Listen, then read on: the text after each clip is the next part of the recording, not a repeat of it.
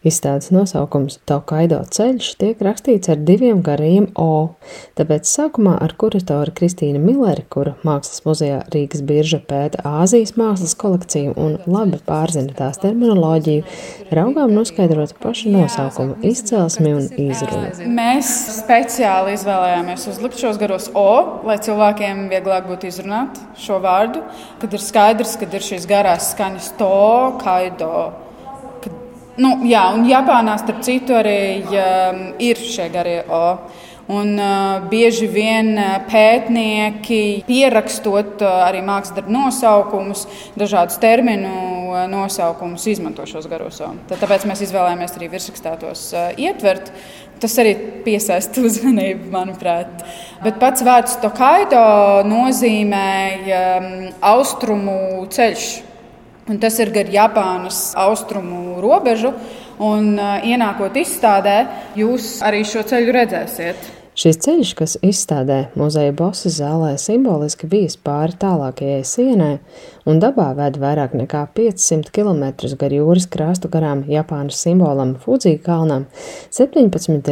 līdz 19. gadsimtā bija nozīmīgākais ceļš, kas savienoja Kyoto un Edo, jeb šodienas Tokiju. Edo periodā Šis ceļš bija gan kā tirzniecības, gan kā arī turisma ceļš. Tajā periodā aizsākās arī vietējais e, turisms Japānā. E, tāpēc ir arī šīs pieturas Un šajās pieturās bija arī dažādi objekti, ko apskatīt. Ne tikai atpūtas vietas ceļniekiem, bet arī dažādi ievērības cienīgi objekti, ko apskatīt. Jo tas ir ļoti ainavīgs ceļš, kas ved gar jūras krastu. Jā, tieši tā. Un tāpēc arī, protams, tas ietekmē ļoti daudz māksliniekus tieši šo dažādo skaisto ainavu dēļ.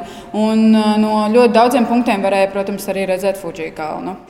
Fuji jeb Fuji kalns redzams arī vairākās mākslinieka Utagavas Hirošigas grafikās, kas izstādītas Rīgas biržā. Tieši viņš 19. gadsimta vidū bija pirmais, kas radīja visām 53 Tokaido ceļa stacijām, jeb pieturām veltītu ciklu, kas kļuvis par vienu no pazīstamākajiem šī ceļa atainojumiem mākslā. Šādi cikli Hirošigam ir vairāki, un darba kopskaits ir mērāms simtos. Rīgas biržas kolekcijā ir seši. Vēl četri pieder viņa māceklim un znotam, kurš pēc Hirošigas nāves pieņēma viņa vārdu un kļuva par Utagavu Hirošigi otro. Kuratore Kristīna Millere stāsta par Hirošigas ietekmi uz rietumu mākslu un to, kā viņa darbi nonākuši Rīgas biržā. Hirošiga kopā ar savu laika biedru Hokusai arī Japānā tajā laikā bija ietekmīgākie ainavu, nu, gan gleznotāji, gan arī ukijoja grafikas žanra pārstāvji. Un tad, kad uh, atvērās uh, Japānas robežas pēc Edo perioda noslēguma, Ja nemaldos, 1868. Eh, gads. Japāna sāka arī daudz ko tirgot uz āru, arī mākslas darbus, piedalījās ļoti daudzās pasaules izstādēs. Protams, visplašāk Hirošiga parādījās Parīzes izstādēs šajās pasaules izstādēs. Un arī Londonas, protams, un uh, Vīnas, Vācijas. Bet kāpēc šī Parīzes izstāde ir nozīmīga? Tāpēc, ka mūsu uh, mākslinieks Gustavs Čilters devās uz Parīzi, uz Rudēnu darbnīcu. Un visticamāk, ka tieši Rodēna tajā laika posmā, kad viņš bija Parīzē, šajā Rodēna darbnīcā, viņš šos darbus iegādājās. Tā ir viena no mūsu versijām. Jo šie darbi muzeja kolekcijā ir nonākuši no Gustavas Šķiltra kolekcijas. Mm -hmm. Kas ir tāds vēl viens ļoti interesants fakts. Un tajā laikā ļoti daudz mākslinieku ietekmējās gan no Hokusai ainavām, gan arī no Hirošigas. Un mums visiem pazīstamais Vincents Van Gogs pat vairākus Hiršigas darbus pārgleznoja savos eļas gleznojumos, precīzi viens pret viens.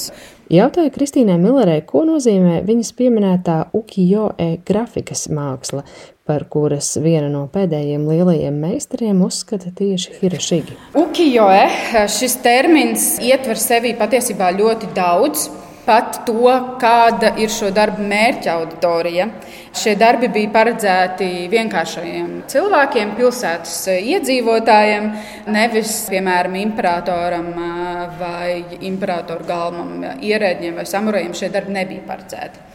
Ukijoe ir tāds virstermins, Un šāda tipa ainavām, kas attēlo dažādus populārus Japānas vietas, ir savs tāds kā apakšžanrs, vēl, ko sauc par meisho, e, kas būtībā pasaka, ka šie ir populāri skati Japānas. Un tas e galā nozīmē attēls. Un uh, ukijoe ir mainīgā pasaule. Tas ir viss, kas mums notiek apkārt un visu laiku mainās. Un arī ainavās to, manuprāt, visvairāk var arī redzēt, jo tiek attēlot dažādi gada laiki. Mēs varam redzēt pavasari ar plaukstošiem ķiršu ziediem, mēs varam redzēt lietus gāzes, rudeni. Nu, ziema, diemžēl, mums nav, bet sniegu mēs arī varam redzēt Fudžija kalna virsotnē. Tuvāk aplūkojot Hirošigas nelielās, smalki izstrādātās ainavas, atklājas nevien meistarīgi piejūras skati kalnu un priežu ieskāvumā, bet arī ceļotāji, kas mēro daudzas dienas ilgo gājienu, vairums kājām, augstmaņi palankīnos jeb kalpotāju stieptās sektās nestuvēs, bet kāpēc šis ceļš no Kyoto uz Edo jeb Tokiju bija tik noslogots? Vēl viena atkāpe vēsturē. Tajā laikā Japānu faktiski pārvaldīja Tokugavas dinastija. Imperators atradās Kyoto, bet varētu teikt, ka faktiski galvaspilsēta bija Edo. Tā lielākā tirzniecības pilsēta arī bija Edo, bet imperators dzīvoja vēl joprojām Kyoto. Tad uh, šis ceļš no Edo uz Kyoto bija arī, lai arī piegādātu daudz ko imperatoram. Un, piemēram, pirmais Hirošigas ceļojums pa šo ceļu uh, bija tieši, lai uh, nogādātu imperatoram dažādas lietas un arī zirgus. Tas bija imperatora dēļ, kāpēc Hirošiga pirmo reizi veica šo ceļojumu. Hirošigas grafiku izstāde ir rēts notikums arī tāpēc, ka savas gaismu jutības dēļ grafiks gluži vienkārši nedrīkst ilgstoši eksponēt. Nelielos darbus vietām izraibina arī hieroglifi un dažādi simboli, jo līdzās ainavām mākslinieks ir ietvēris arī vietu nosaukumus, un tie arī izstādes kuratorei ļāvuši salikt ainavas to kaido ceļam atbilstošā secībā. Tāpat uz katras grafikas ir arī izdevēja un cenzora simbols. Par mākslas darba nonākšanu līdz skatītājiem stāsta Kristīna Millera. Ir izdevēja zīmogs, šie divi ir cenzora zīmogi, un eh, tad, protams, ir arī mākslinieka eh, vārds, un šeit ir arī darba nosaukums. Un tas šo visu ja prot lasīt japāņu valodu, tad uh, visu, kas par darbu jāzina, būtībā var izlasīt uh, uz darba. Jā, šis sižets tiek izgrebts uh, uz koka. Um, Tāda kā dēlīša, un pēc tam tiek veikti nospiedumi.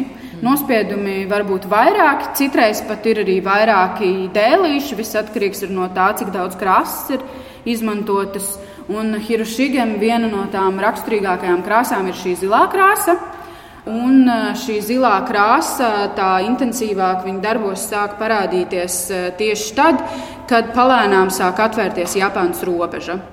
Un e, šī krāsa ir, nu, to mēdz dēvēt par Berlīnas zilo vai arī par Prūsijas zilo.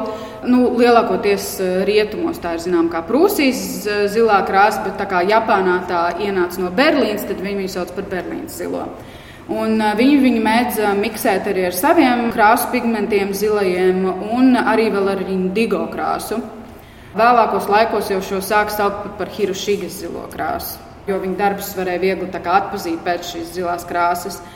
To kaidā ceļa apmeklētājiem radīta gan skaidrojošā vārnīca ar dažādiem izstādē lietotiem japāņu terminiem un simboliem, gan bagātīga pavadošā programma. Piemēram, lekcija par Hirošigas un viņa laika biedru ietekmi uz Latvijas mākslinieku daļradi stāsta izglītības programmu kuratore Vita Ozoliņa. Tad gribu arī atzīmēt, ka um, mums ir uh, tāds sarunas uh, portrets salonā, un šoreiz uh, uzaicinājām Žanetu Sudnieci, kur ir četrus gadus pavadījusi Japānā.